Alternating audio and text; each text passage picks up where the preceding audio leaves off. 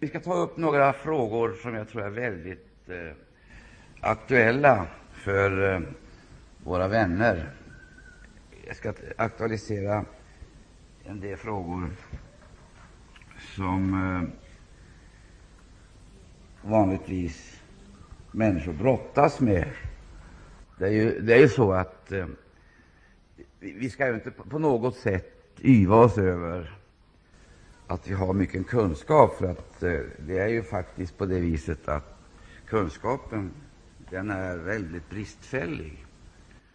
Och jag vill inte ens påstå att det finns en iver att skaffa sig kunskap, en vetgirighet och en nyfikenhet som självklart skulle vara för handen hos alla kristna.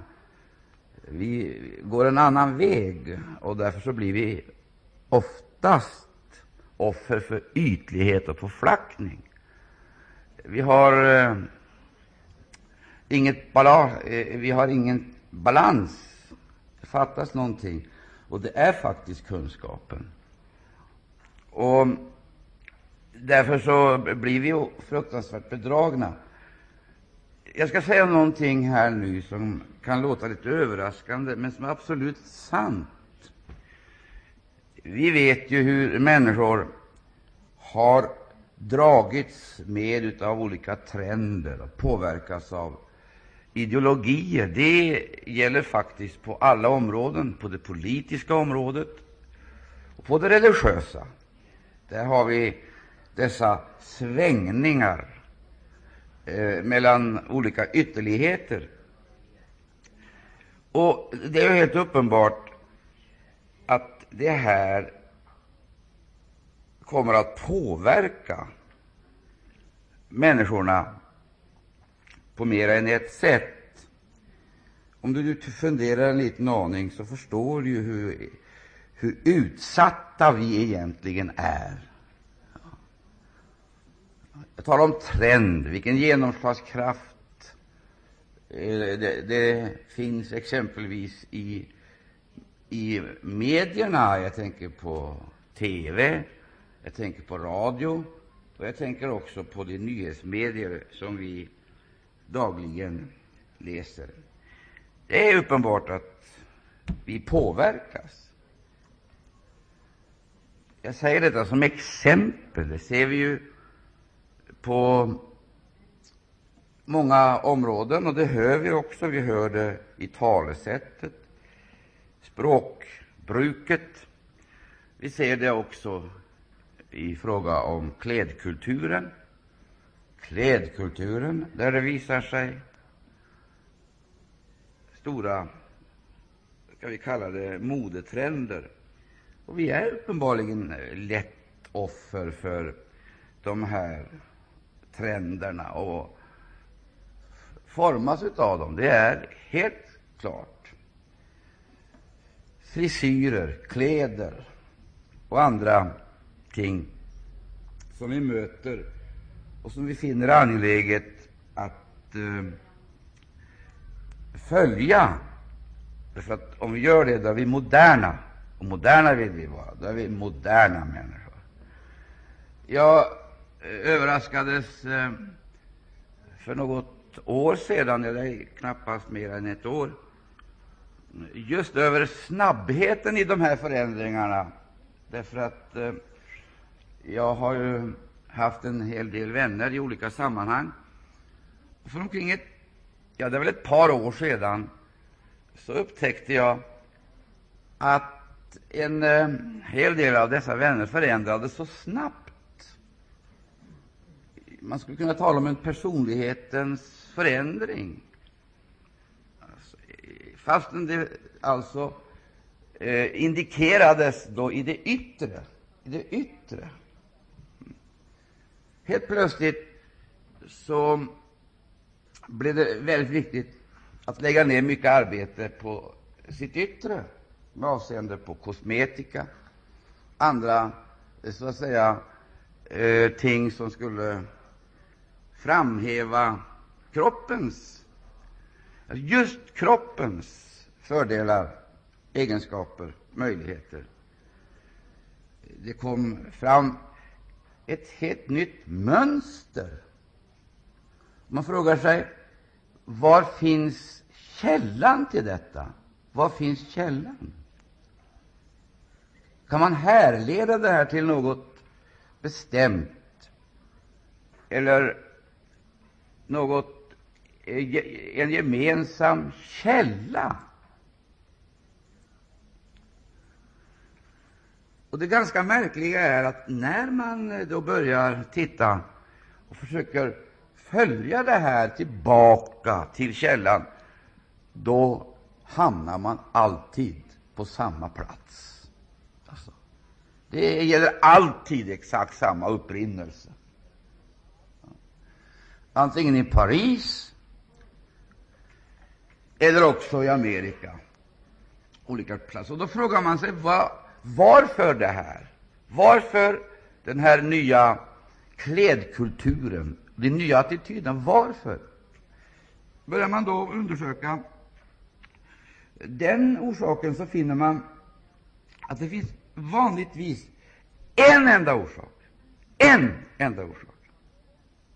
Det är inte därför att man vill att kvinnorna ska se vackrare ut.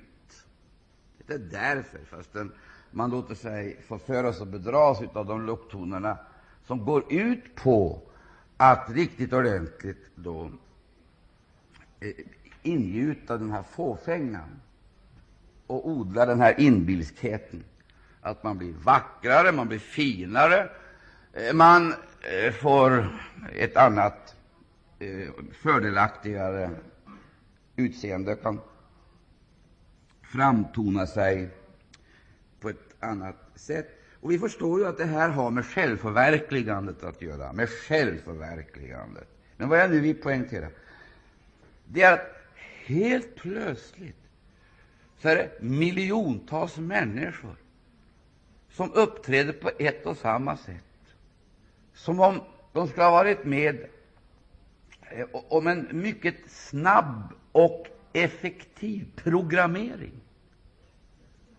Indoktrinering, helt plötsligt, nästan utan eh, någon eh, som helst föregående varning eller några signaler, så ser man alla blir likadana.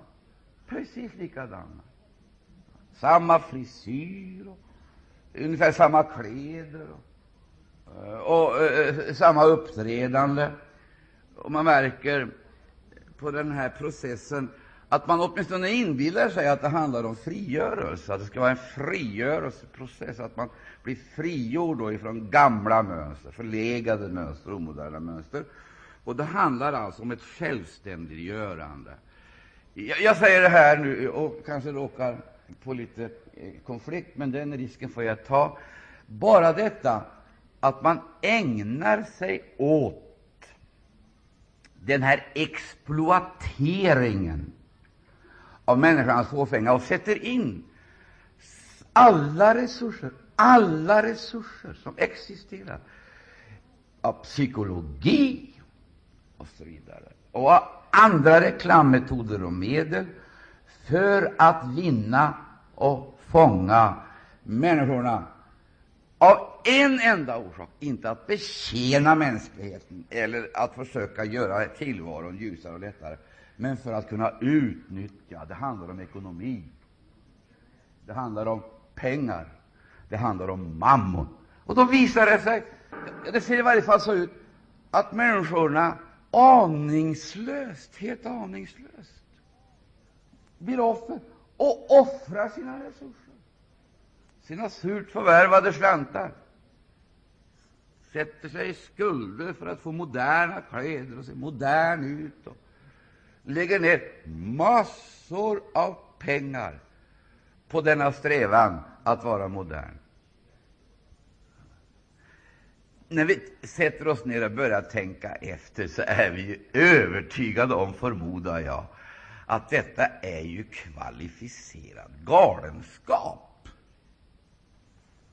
Då frågar man sig det är alltså mammons, det är, det, det är regelrätt, genuin mammonsdyrkan, och vi blir tillbedjarna som offrar våra slantar för att få ett örhänge, för att få en röd trut, gröna ögon och annat vackert, brunt eller rött hår. Eller andra moderna kläder. Och det här kostar ju massor av pengar. kostar massor av pengar, enorma summor. Det är sådana summor så att det, det, det, det går inte att begripa siffrorna. Vi förstår dem inte, därför är det meningslöst. Men vi skulle kunna göra så här istället, slå sönder siffrorna och ta reda på vad detta kostar, det vill säga vad var och en, om man hittar en medial, för det, och det finns en sådan, vad detta kostar. Vi kan fundera på det. Och så kan du jämföra de beloppen med det u-landsunderstöd vi ger eller den mission vi bedriver. kan du göra. Och Därför så tycker jag ibland att det är meningslöst. Det är helt meningslöst. Varför ska man stå och prata på det här viset? Människorna vill ha det så. De vill förslavas under eh, de här modenyckerna. De vill så att säga exponera eh, sina kroppar och exploateras, utnyttjas. Och så fattar vi inte att bakom det här ligger alltså inspirationskällor som är så otäcka. Så att om vi kommer i närheten av dem, så inte var den förfärliga distansen med avseende på tid och rum eh, och andra förhållanden, om vi kommer i närheten av det, så skulle vi kräkas, förmodar jag. Vi skulle se hur fruktansvärt, eh, hur fruktansvärt perverst det är. Nu ska inte jag gå längre, för jag, jag vill inte ta risken att eh, få en massa problem här. Det finns ju tigrar som är redo att ta språnget för att försvara det här. Fastän det här är dårskap multiplicerat med idioti. Det är dårskap. Och vad som är ännu värre, det är att eh, föräldrarna många gånger, i en slags godtrogenhet, tror jag att det är, eh, inte fattar att de hjälper sina egna barn att mer eller mindre påverkas av tidsandan och bli eh, någon form av modedockor. Eh, eh, det är, det är och det är ju inte bara flickorna det gäller, utan vi har ju en annan typ nu också. Det är bodybuilding-kulturen, hysterin. Vi ser det på skorna man köper, på byxorna pojkarna ska ha. Alltså alla sådana saker. Bara en sån sak som att tillåta att någon som helst reklam fästs på en kropp och går omkring som en levande reklampelare för firmor eller andra eh, rent kommersiella intressen. Att bära på sin kropp alltså, ett, en reklamslogan eller reklam eh, för en eh, vara eller en tjänst eller en skiva eller någonting annat det visar ju hur fruktansvärt lite vi fattar vad lite vi fattar av de lagar som styr världen och behärskar världen. Att överhuvudtaget gå omkring med någonting på sig när vi vet att i slutändan på det här så kommer alla att stämplas med ett märke. Inte på bröstet eller på ryggen, men i pannan. Man är väl förberedd för det. Varenda en som tror på Gud vet att i slutändan av den här förfärliga processen så kommer alla att tvingas ta märket.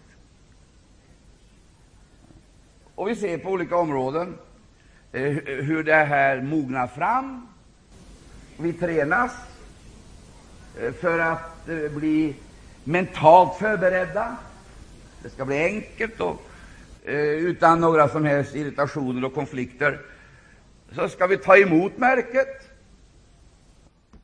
antingen på pannan. Det här alltså handlar om intelligensen, eller på handen, det handlar om högra handen, det handlar om handlingen. Jag förstår inte. Jag måste säga, jag tycker att det är något helt förfärligt. Och jag har lagt märke till också gamla, gamla fromma vänner. De kommer smygande nu med små clips i öronen. Och jag, jag, jag känner, jag, jag, måste säga, jag känner i mitt hjärta, jag känner i mitt hjärta, men är människa, vad menar du? Vad, vad går det här ut på? Och Det beror inte på att jag har, så att säga, har någon som helst mothyset motstånd från människornas önskemål att eh, vara snygg och ren och, och eh, attraktiv. Jag tror att det ligger i vår natur. Men det är just detta att man ger efter för det allmänna mönstret istället för att självständiggöras och bli en personlighet som kan bjuda motstånd mot trenderna, som vägrar att acceptera eh, de här trenderna. Nu har det tagit lång tid, men bara för att bevisa enkelt Jag tror inte att någon kan motsäga det här. Bevisa enkelt och rakt på sak. Vi blir alltså lätt offer. Och vi blir apor. Vi apar efter. Vi kan, inte, kanske, vi kan kanske inte gå lika långt som världen men vi rör oss i den riktningen.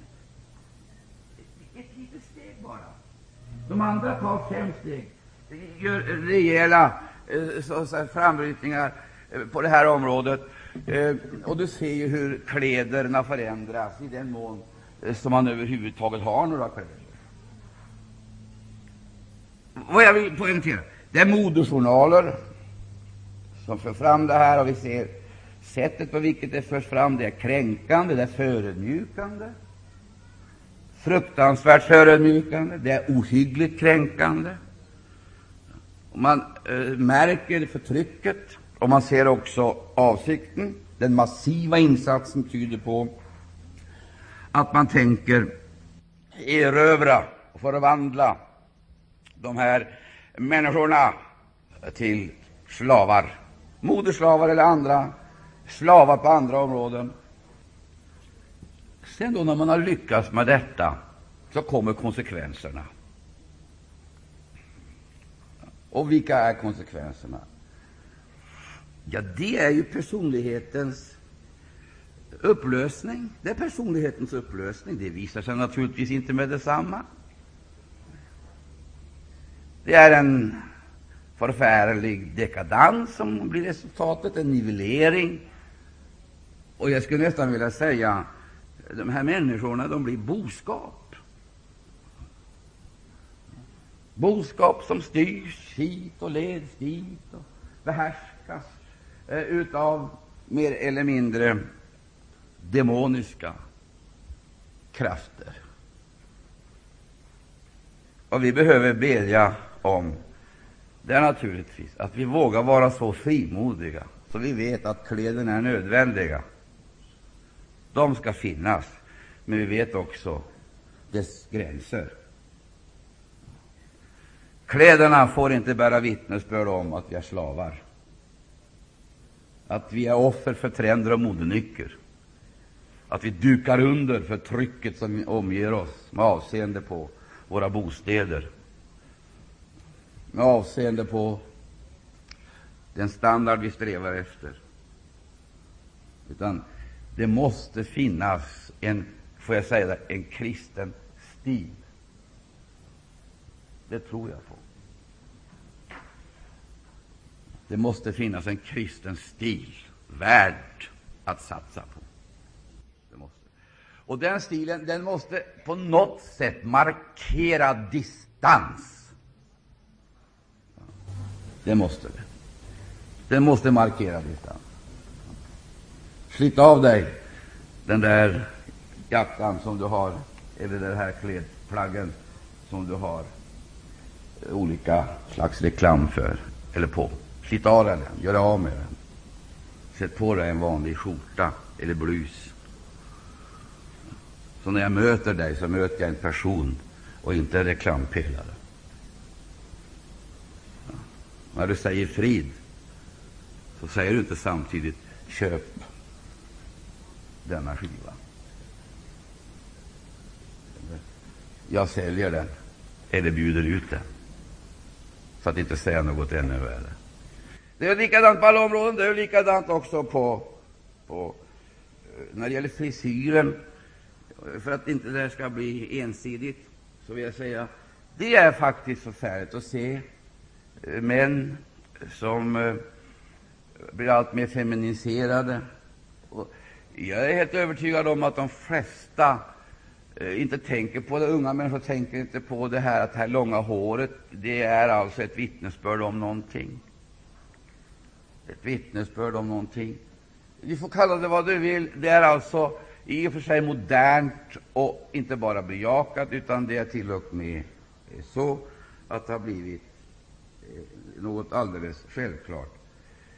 Men vi ska komma ihåg att det är också ett utslag för samma trend och tendens. Vad då? Förakt, förakt, ett djupt förakt. Vad då för? skapelsens egen ordning. Det finns en skapelsens ordning. Jag tror att det är väldigt viktigt att man vet var gränsen går, rågångarna går mellan könen.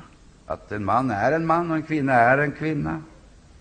Och det kan aldrig upprättas någon form av eh, någon förändring i detta tillstånd. Men vi påverkas. Helt plötsligt så frågar man sig är det en man eller är det en kvinna. Man måste nästan göra en kroppsvisitering för att kunna övertyga sig om att det här verkligen är en man. Det är bedrövligt. Och det här slår igenom på andra områden, och det förstår inte vi att det här så att säga är upptakten, inte bara till en nonchalant och ett förakt, utan det är upptakten till någonting annat allvarligt. Respektlösheten, föraktet och så vidare slår igenom i nya samlevnadsformer. I nya samlevnadsformer. Man talar idag om äktenskapsliknande former. Två kvinnor ska kunna bilda familj och två män ska kunna bilda familj. Ni förstår, det här är en del i processen. Det börjar inte med detta. Visst inte. Det börjar på ett mycket enklare och ett mycket eh, eh, enklare och eh, till synes obetydligare plan, där man inte indigneras på samma sätt. Det börjar på ett annat plan. Det börjar med det här reklamen, och man blir en reklampelare. Det fortsätter med att man successivt bryts ned, alla värderingarna bryts ner. Och eh, man börjar så att säga ge kärleksbegreppet ett helt nytt innehåll. Ett helt nytt innehåll. Och eh, till sist så vet inte människorna vad kärlek överhuvudtaget är. Man vet inte vad kärlek är, eh, och man fattar inte att det skulle vara någon skillnad på exempelvis ett äktenskapligt förhållande som Bibeln talar om och som är en del av skapelsens egen ordning. Det förstår man inte att det ska vara någon skillnad på detta och exempelvis ett parförhållande där två människor av samma kön älskar varandra och vill bilda familj. Mm. Som det heter. I, och detta går allt längre. Det går allt längre. Och idag så är frågan inte bara om man kan ha sådana förhållanden, utan nu talar man också om kristna som nu vill alltså förverkliga dessa moderna eh, mönster och församlingen frågar, eller säger, man kan vara kristen. Man kan vara kristen och leva i ett sådant förhållande. Man kan bli präst, vara i ett sådant förhållande, det vill säga det finns ingenting som hindrar eller stöter. Det har alltså blivit accepterat och så att säga integrerat med vår kultur. Om någon skulle ha sagt detta för 30 år sedan, så är det ingen som skulle ha trott det. Ingen skulle ha trott det. Definitivt ingen. Icke en präst skulle ha rest upp, icke en förkunnare, icke en politiker. Ingen, ingen, ingen skulle ha trott detta. Man skulle ha värjt sig för sådana påståenden och ett sådant program, tillbakavisat det med full emfas, indignerad. Men idag har alltså motståndet övervunnits.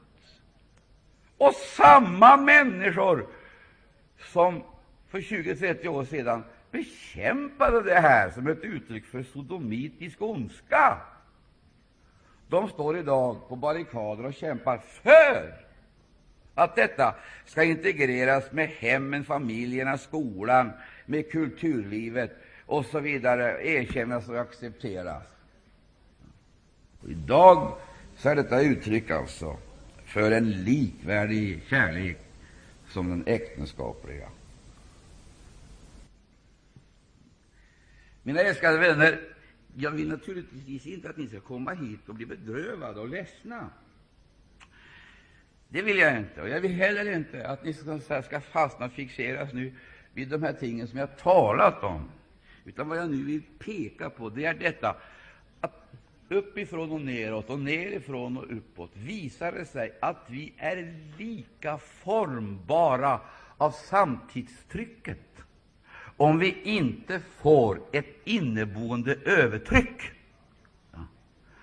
Får vi inte detta inneboende övertryck, alltså, så vi blir fyllda av den heliga Ande, då kommer vi ganska snart att bli exponenter, verktyg och redskap för den trend som härskar för stunden. Och varje trend blir allt mer avancerad. Kan ni förklara för mig vad det beror på att vi har så fruktansvärt lätt att ta efter, okritiskt ta efter? Det beror naturligtvis på att vi har lärt oss, vi har lärt oss genom vana, genom vana har vi lärt oss att vara okritiska. Det har brutits ner och vi tycker liksom att det här är, det här är någonting som eh, vi kan hänge oss åt, och så vidare. Med tanke på den situationen, den verklighet som det här handlar om, så är det ju så oerhört viktigt att vi får klart för oss vem Kristus är, vad han kräver. Vi måste få kunskap. Vi måste få enkel och sann kunskap om detta, för att det finns en väsentlig skillnad. Alltså en, det finns ett, ett svalg emellan det Kristus representerar och bjuder mot det tidsandan och denna världens första erbjuder den mänsklighet som är i hans händer och som han formar, formar till kärl i ondskans tjänst. Jag har tagit lång tid för att peka på det här den enkla anledningen att när vi går ner på det här området och så eh, eh, eh, tar upp de alldagliga frågorna där ingen kommer undan, där vi var och en utsätts alltså för den här oerhörda påverkan. Unga, äldre och barn. Föräldrar, män och kvinnor utsätts för den, och eh, vi blir förvandlade till slavar som ska offra åt mammon. Och det är detta förfärliga profitbegär som är den bakomliggande kraften för att exploatera den arma mänskligheten. Tänk om vi i stället kunde överföra alla de här medlen till något nyttigt och ändamålsenligt för andra människor. Jag ska ta en liten sak till. Du förstår, verkligheten är den här. Om man bara slutade med den kostsamma nikotinreklamen eller tobaksreklamen upphörde med den och överförde dessa medel till bristområden i världen, då skulle det räcka till för att ge alla barn på denna jord som i dag lider ge dem föda i tio år. Har man inte anledning till indignation?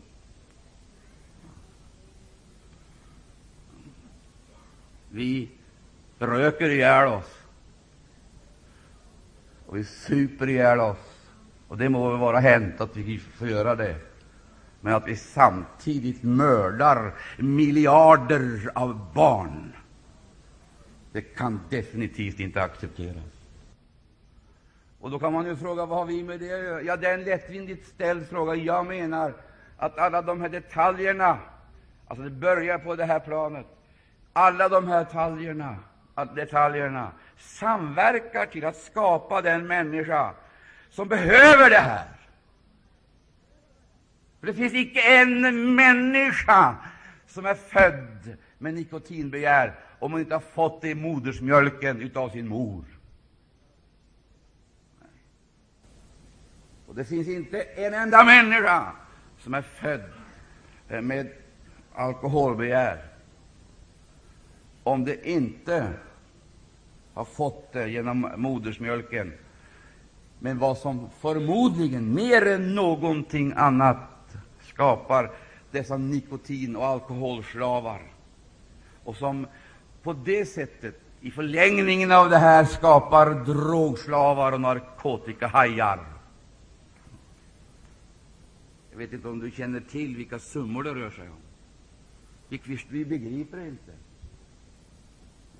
Om eh, vi kunde se det här så allvarligt som det är och förstå hur vi själva är integrerade i den här syltan, så länge vi inte protesterar med vårt eget liv som insats. Vi solidariserar oss med de här mördarkrafterna genom vår passivitet. Eller att vi eh, tar alltså till oss små, som vi tycker oskyldiga bitar utav det här, den här helheten, där hela mänskligheten är integrerad. Jag vill säga det här en gång till. Nu är det förfärligt. Det är för fruktansvärt. Det är väl vidrigt. Det finns ju inte gränser för det. Att vi på något sätt ska ha någonting med det här att göra. Jag rekommenderar en speciell klädsel för oss alla. Princip säck och aska. Det är det som behövs nu. Alltså enkelhet, anspråkslöshet. Så enkelt att enkelheten i sig blir en protest, en indignation, en solidaritet med de svältande skarorna. Med barnen. Och jag kan aldrig underlåta att känna äcklet inför den propaganda som vi bedriver, vad pengar vi lägger ner på oväsentligheter, värdelösa ting, medan andra inte ens har ett mål för dagen, inte en klädtrasa. I många fall Barnen kan inte komma till skolan därför att de saknar kläder. Om ni visste hur jag brottas med det här, hur många gånger jag ropat till Gud på Bällsta, dag och natt. Och Gud, vad vill du vi ska göra? För någonting måste vi göra för att rädda våra själar och inte solidarisera oss med denna universella och allt fräckare exploatering av människoliv. Vad tror du 40 000 aborter kostar? Vad tror du igen eh, Ja, du vet vad jag menar. De här förfärliga, moderna, de där moderna teknikerna som har en livsfientlig dimension, så man hör hur döden triumferar. och livet lider och våndas. Jag har tagit några saker. Hur har det kunnat bli, bli så? Så att vi i realiteten, för att bibehålla vår välfärd, för att bibehålla vår standard, är redo att offra barnet i mammas mage och expedierade dig från rätten att leva för att vi skall kunna upprätthålla vår standard och inte drabbas utav vad då? En fruktad fattigdom. Sen så kan vi gå vidare. Eutanasin kallas för barmhärtighetsdödande. Och vi kan fråga hur, hur är det möjligt? Då vi ställer hela vår medicinska, våra medicinska resurser och expertis i dödens tjänst, som alltså utrustas med samhälleliga statliga fullmakter att expediera icke önskvärda foster, människofoster, från rätten till liv. Och man förvandlar dem till köttslamsor. Och rester i rondskålen. Eller också utnyttjar dem i våra laboratorier för forskningar av olika slag. Ja, det, det, går inte, det går inte att beskriva. Och det värsta är, när vi hör det, vi orkar inte reagera. Jag orkar Jag, vi lever i det här.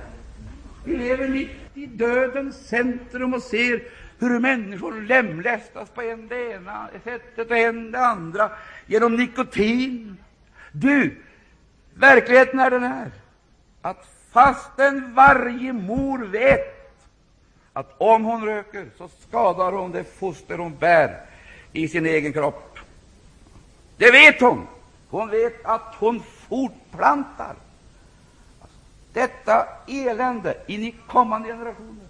Och hon vet att hon är med och skadar sitt eget barn. Det vet hon. Och kunskapen om detta har blivit allt större. Och vi känner till att det är så. Vet du vad som har skett?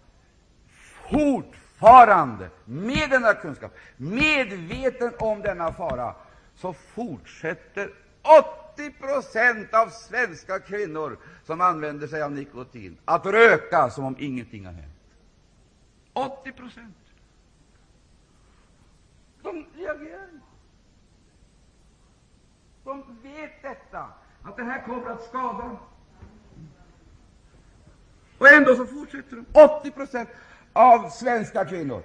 I det övriga Europa är det 60 procent. Där har sjunkit lite mer. Där är 60 procent. Men i Sverige är det 80 procent av kvinnorna som fortsätter. Vad är det som gör att man inte skäms? Vad är det som gör att man inte upplever ångest inför detta faktum? Och skulle man drabbas av denna ångest, då har man kemiska preparat som kan övervinna huvudvärken, exempelvis. Läkemedelsindustrin den producerar allt större mängder av okynnespreparat som vi inte behöver, medan de där stackars människorna nere i Victoriafängelset de har inte mediciner mot tbc. De ligger helt enkelt och ruttnar bort i sin egen avföring. Ni måste förstå att det här landet det är tillspillogivet. Fattar vi det? Och ovanpå det här så inbillar vi oss att Gud ska komma med en väckelse. Jag måste skratta åt dårskapen med en väckelse.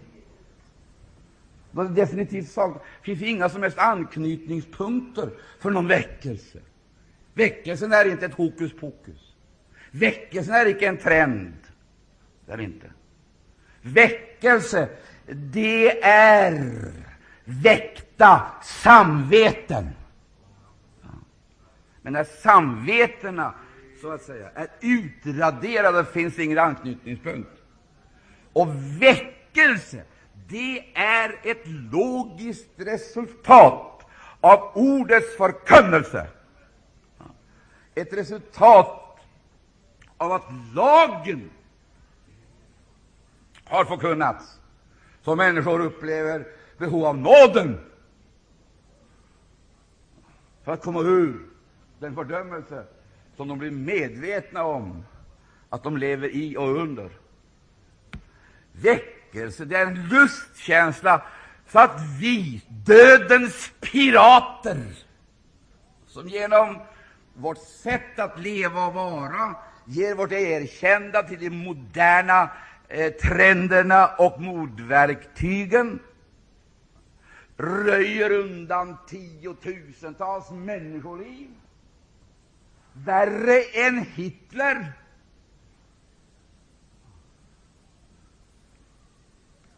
Det är flera som har dött i de medicinska, vid de medicinska klinikerna och laboratorierna. Det är flera som har mördats och utraderats i de moderna klinikerna, medicinska klinikerna än i Hitlers gaskamrar.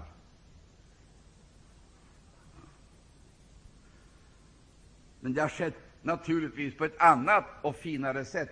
Och vad ännu värre är, det har skett i humanitetens namn för att, för att ge kvinnan erkännandet att hon är den som äger sin egen kropp och har dispositionsrätten till den och själv ensam bestämmer om fostret ska få överleva eller inte, då har man gjort sig själv till Gud. Satt sig inte bara över livet, men över Gud själv.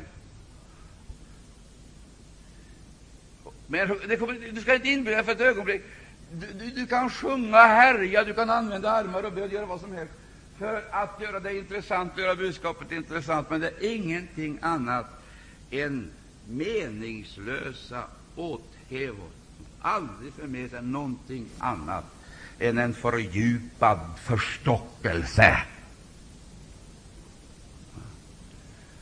Gud vill inte ha våra armar, våra ben. Han vill ha vårt samvete. Och jag misströstar. Jag tror inte detta samvete kan väckas,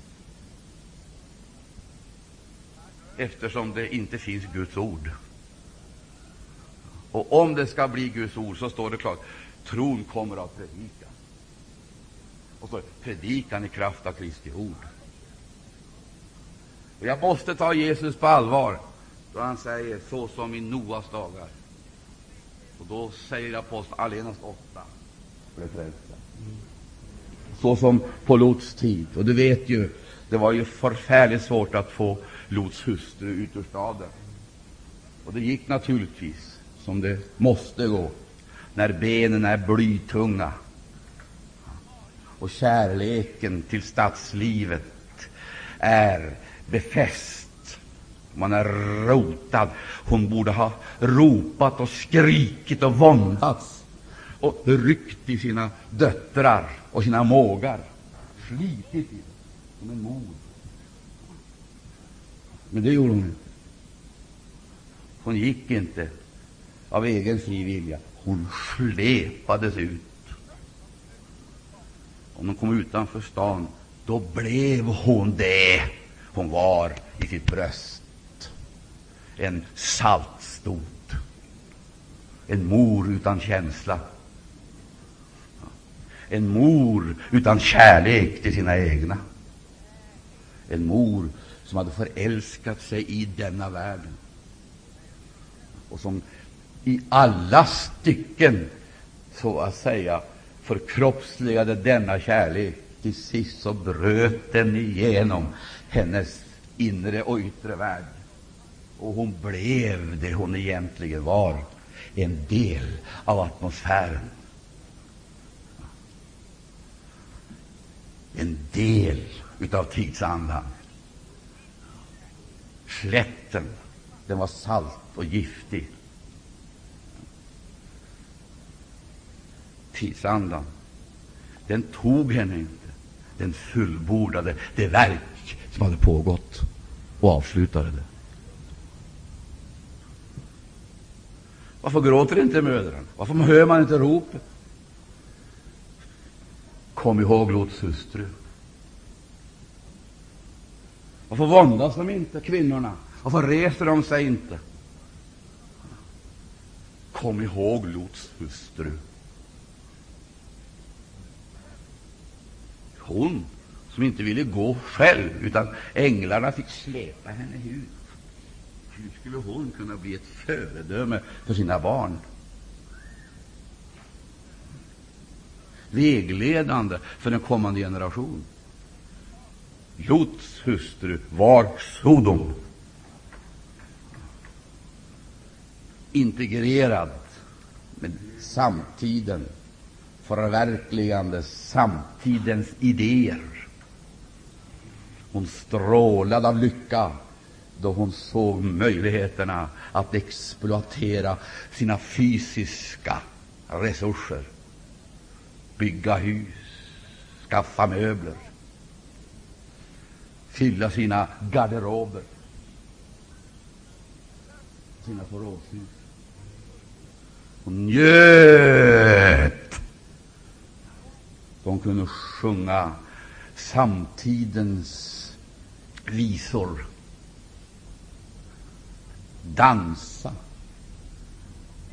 få lufta sig. Naturligtvis med de reservationer som hennes tro kom att föra med sig. Det var självklart en distans och jämförelse med Sodom som måste man säga att det fanns en gradskillnad, även om det inte var en väsensskillnad. Det kom att uppfattas på sitt sätt som ett irritationsmoment. Men se på henne, vad hon njuter utav, vad hon älskar, vad hon vill satsa på. Jag tror inte att hon hade ambitioner för sina barns framtid. Hon planerade skola, utbildning, tjänst, inflytande, drömde. Tänk att få barnen framåt, fram. Arbeta ut ur nöd, arbeta ut ur fattigdom, lidande. Bli läkare, lärare, advokater, jurister, politiker, vetenskapsmän, konstnärer. Det var viktigt och nödvändigt. Och det är inget ont. Det finns inget ont i det. Men problemet är alltid att det är det legala som är det farliga. Det är inte den eh, kvalificerade ondskan som vi vill satsa på, men vi satsar på legala ting på ett sådant sätt att det som är viktigare försvinner ur livets horisonter. De åt och de drack, sa Jesus. Det var människor i alla tider. De köpte och de sålde. Handel har bedrivits i alla tider. De byggde eh, och planterade. Ja, men teknologin har väl gjort sina framsteg och varit till välsignelse för mänskligheten, så de får ordentliga bostäder. Får eh, lustgårdsliknande trädgårdar. Som nöjer sig med. Alltsammans det här. Det är väl inget fel? Nej, det är inget fel. Men att leva som om det här vore paradiset eller evigheten, det är kardinalsynden. Vad gjorde de? De gjorde tingen, de dyrkade det skapade framför skaparen.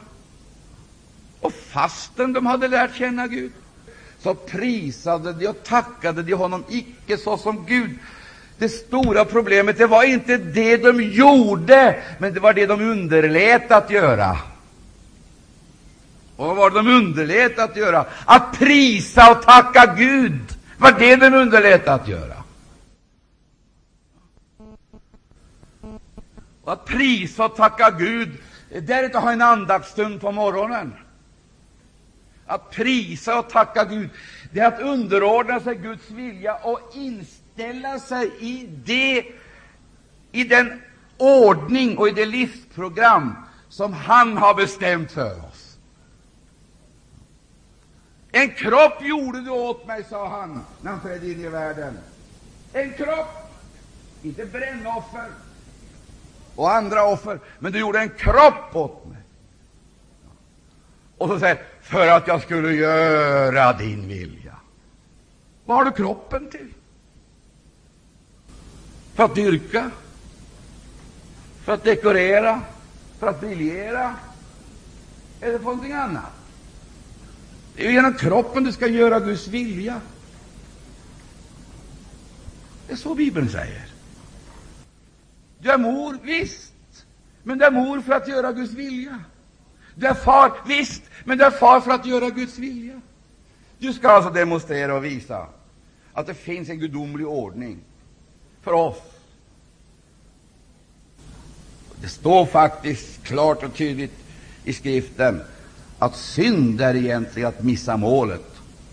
Gud har satt upp ett mål för vårt liv. Det är en bana som han vill att vi ska komma in i. Och missar vi målet, kommer ur banan, då blir det missgärning. Missgärning. Det blir miss. Men det får inte bli någon miss. Det måste bli ett mål. Vad är målet? Att göra hans vilja. Vad vi behöver ödmjukhet, så att vi kan bedja rätta böner. Och de bönerna måste först och främst innehålla något element av förlåtelse och försoning. Annars så kommer änglarna möjligen att släpa oss ut till den plats där det som bor i oss bryter igenom med all sköns tydlighet, och där kommer vi att stå utan att komma ett steg vidare. Alla idéer har visat sig vara kraftlösa. Alla inspirationer har lett fram till perversioner. Antingen det är i Sverige, Sovjetunionen, vi lider. I Sovjet lider man. Latinamerika lider man. Man lider. Socialismen höll naturligtvis inte. Kapitalismen håller naturligtvis inte, för den är ännu värre. Kyrkan har ingen frälsning att erbjuda. Hon står själv som ett maktblock och stort hinder för människornas frälsning. Kyrkan har byggt upp det mest totalitära systemet som existerar i tiden. Katolska kyrkan är en vidrighet. Och denna kyrka gör anspråk på att vara en frälsningsinstitution och hävdar i strid mot Herren Jesus Kristus att Maria, Guds moder, som man säger, skulle kunna hjälpa oss, så vi kan bedja till henne. Det, det, det, är, det, det är nog förfärligt att skymfa Maria på detta sätt. Det finns bara en som kan frälsa. Det finns bara en som är mellanman mellan Gud och människan. En som är medlare. Och han, han, han, han alena. Han är överste präst, profet och konung. Ja. Vem är det? Det är Herren Jesus Kristus. Kyrkan går inte Jesu ärende. Kyrkan går världens ärende och tjänar med enorma resurser ett antikristiskt välde för att förhindra att du blir frälst. Fly från kyrkan, fly från fästerskapet, fly för ditt livs skull, fly från ritualerna, fly ifrån ceremonierna, fly! Och gör det snabbt, tiden är inne då vi ska höra budet. Sanningen ska uttalas och proklameras i universum. Fallet, fallet är det stora Babylon, som har blivit ett tillhåll för. Och så får vi veta vad hon har blivit ett tillhåll för. Det var alltså inte så från början. Nej. Hon blev det under utvecklingens gång. Och nu har hon mognat till dom. Och domen blir en verklighet och ljuset faller med ängeln som kommer ner ovanifrån. Det här är kamp för livet, kamp för tron, kamp för den mänskliga identiteten, en kamp för ens mode. Gå inte in under det här väldets inflytande. Ta försakelsens, inte villkor och hot, försakelsens erbjudande. Gå in under eh, gå in under manteln. Ta smededräkten på dig.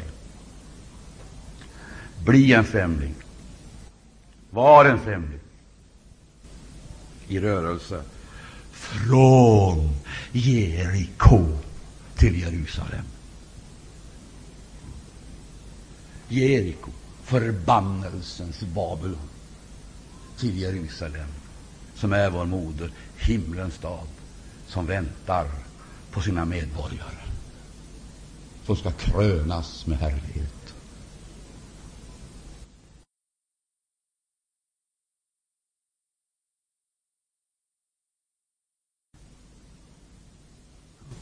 Tro inte för ett ögonblick på några frihetsparoller eller frihetsappeller ifrån den kyrka eller det politiska system som nu låtsas vara ute i fredens tjänst.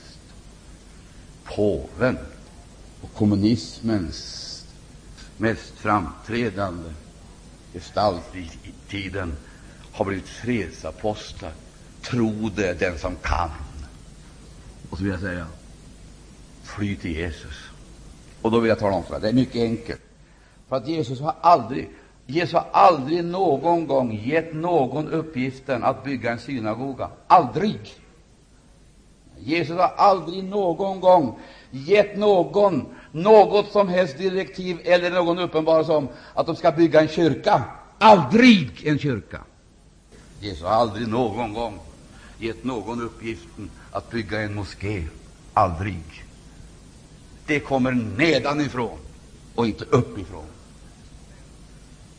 Jesus har aldrig sagt att vi ska bygga kyrkor, men däremot har han betonat att vi ska bli tempel, vara tempel för den heliga Ande.